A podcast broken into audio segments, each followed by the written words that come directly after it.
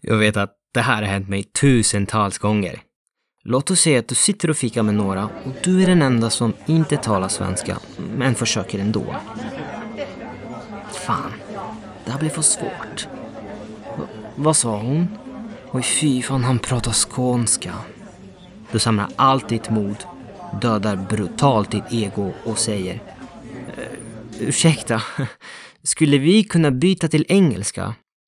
Sen säger någon Ja men absolut, it is fine with English, no cow on the ice so to speak. Efter ett tag blir alla tysta. Småpratar bara. Ignorerar det ett stund och sen börjar prata sinsemellan fast denna gång snackar de på svenska. Om du undrar varför detta händer och funderar på vad tusan menade den som sa ingen ko på isen, vänligen fortsätt att lyssna. Jag heter Luka och det här är Svenskhet för invandrare.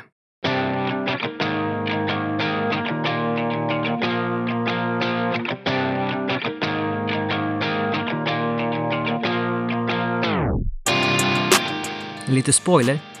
Det är på grund av en psykologisk fördom som du blev helt plötsligt utsparkad från gruppen. Men ingen fara. Vet du vad? Låt oss gräva rakt in i det så får du kanske den pushen som du letar efter för att lära dig svenska en gång för alla. Välkommen till dig som lyssnar. Jag heter Luca och det är en ära att ha dig med i ett nytt avsnitt av SFI, Svenskhet för invandrare. En podcast där jag delar med mig av mina kunskaper om oskrivna svenska sociala regler som jag önskar att jag visste när jag flyttade hit. Jag kommer göra mitt allra bästa för att hålla samtalet under tio minuter så att du kan lyssna medan du går ut med hunden, tar åt soporna, äter något gott och, om du vill, även när du älskar med din partner. Jag ville vara väldigt optimistisk där. Om podcastens längd skulle matcha min genomsnittliga prestationstid skulle jag vara färdig med att prata innan introt börjar. Ah, alltså, ja, fattar ni? 30 sekunder pres prestation, Ja, men nu räcker det med snuskiga jokes. Hur hänger svenskhet ihop med det faktum att vissa, däribland jag själv, är väldigt långsamma med att bli proffs på svenska? Låt oss ta det steg för steg. Vi kan komma överens om att lära sig svenska är ett måste för att till fullo integrera i det svenska samhället. Det här är no-brainer, men för vissa tar denna process tid. Jag sa ju vissa, men vilka är de som jag syftar på här? Jag syftar på vuxna som frivilligt kommer hit för plugg, arbete, kärlek eller en blandning av allt detta som har något gemensamt. Alla är engelska talande. Hur skulle det kunna vara möjligt annars att studera eller jobba från dag ett utan att kunna det lokala språket, det vill säga svenskan? Enligt en statistik från 2019 som jag kommer att länka till i beskrivningen är svenskar de bästa av alla icke-engelska talande som pratar engelska i Europa. Ja men bra jobbat svenskar! Och för de som inte tror mig är detta min tidigare premiärminister som talar engelska. Italy's debt is too too, too much big.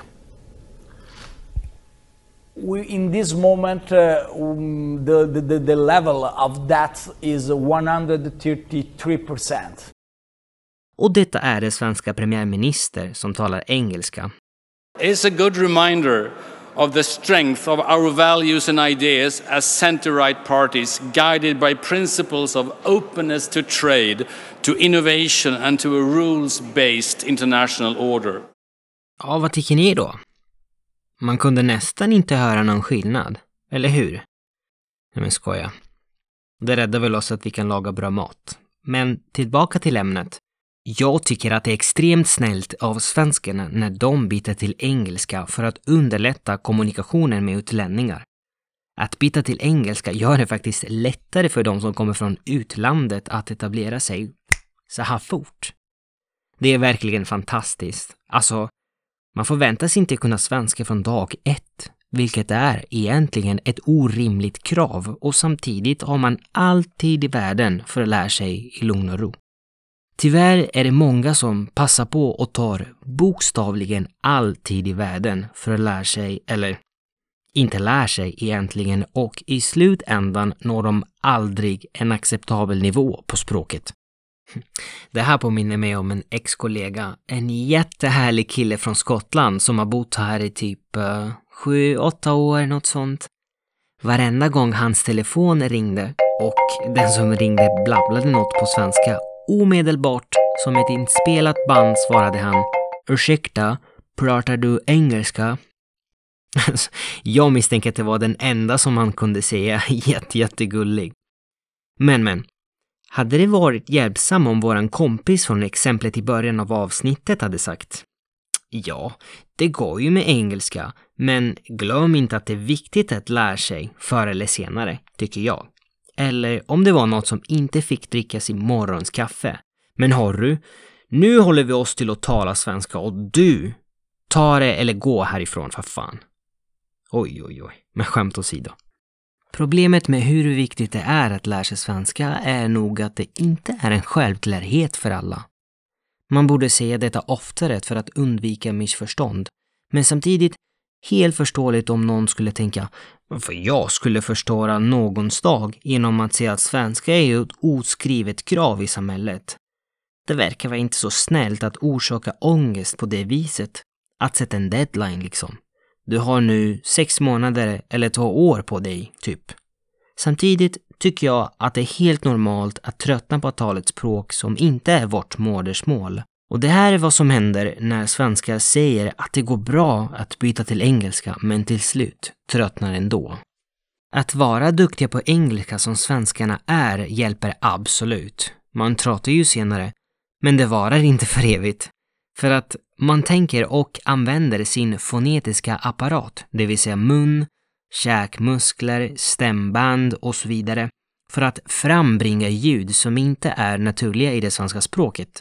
Svenskan är faktiskt unik med sin melodi och särskilda vokaler, många av dem jag inte har fortfarande lärt mig att uttala.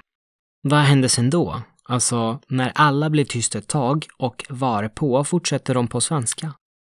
När detta sker upplever svenskar en kognitiv dissonans, eller två motsatta tankar som krockar. App, app, app. Det här är vad jag tror det är som händer, men jag är varken sociolog eller psykolog, så ta det som jag kom fram till med en nypa salt. Det var egentligen syrran som läser psykologi som kom på med det högtidliga uttryck. Tack lilla syster. I det här fallet, tanke nummer ett. Svenskar skulle aldrig vilja att den som försöker prata med dem känner sig obekväm för att han eller hon inte kan svenska. Tanke nummer två. Efter att ha pratat engelska en tid tröttnar svenskar och då är det de som blir obekväma istället. Vilken etisk dilemma så.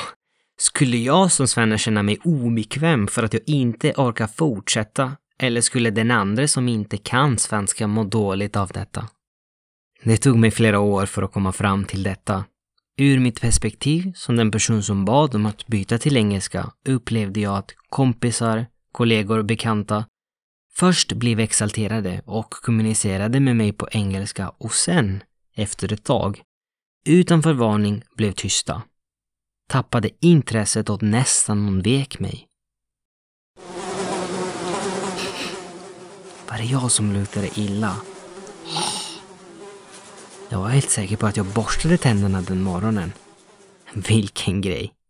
Men det här är historia. Jag är inte här för att peka ut någon. Ja, visst. Svenskar kan vara för snälla och kommer aldrig säga direkt till dig att det kanske är dags att lära sig språket. Men låt oss inte glömma att det är också de som i första hand talar engelska med dig och detta är ju inte en självklarhet. Men det kan vara så att min uppfattning också är snedvriden av det faktum att jag kommer från Italien. Samma sak gäller för Frankrike, Spanien, Tyskland och så vidare.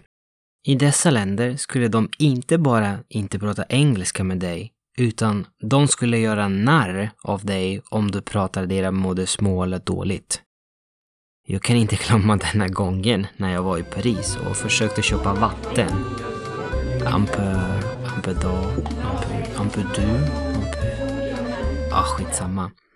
De kunde inte förstå mig. Till slut så var jag tvungen att köpa en cola eftersom det var lättare att säga det och jag var törstig. Däremot är kulturen här peppande och svenskarna älskar utlänningar som försöker prata svenska. Vilket gör att grammatik och uttal är sekundära. We cheat on it, eller hur? Vem bryr sig om ordföljd? Det viktigaste är att kommunicera. Har detta någonsin hänt dig? Om så är det fallet, ta inte illa upp. Hur befriande är tanken att det inte är någons fel? Men hur löser man det här då? Våga. Var inte rädd. Ta det steg för steg och var ärlig mot dig själv. Det hjälper väl inte att lura oss själva. Svenska är ett måste. Men jag kan garantera att resan för att ta sig från ett litet brygg kaffe tack till att prata om politiken. Åh, oh, nej, nej, nej. Skämta bara. Politiken är förbjuden.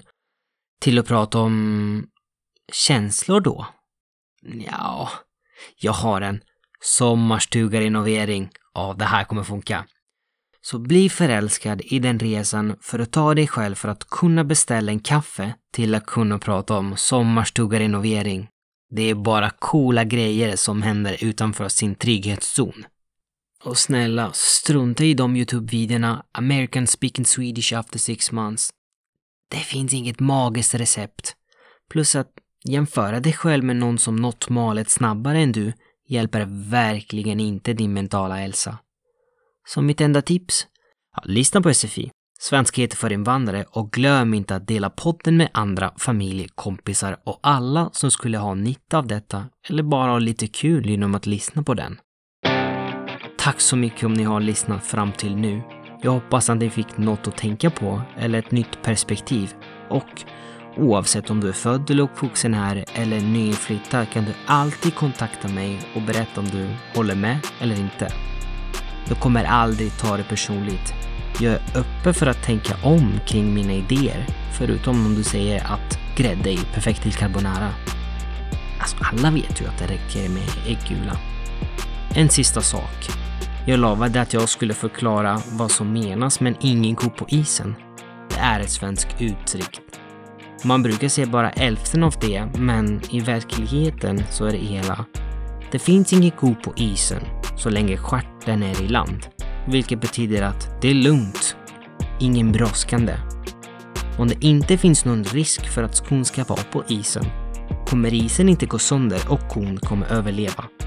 Tänk att första gången jag hörde detta uttryck så var det sommar och då trodde jag, vadå isen? Det är väl 25 plus och solen? Så min kära lyssnare som kämpar med svensken. Nästa gång de säger It is fine with English, no cow on the ice. Våga svara No danger on the roof my friend. Vi fortsätter på svenska. Tja!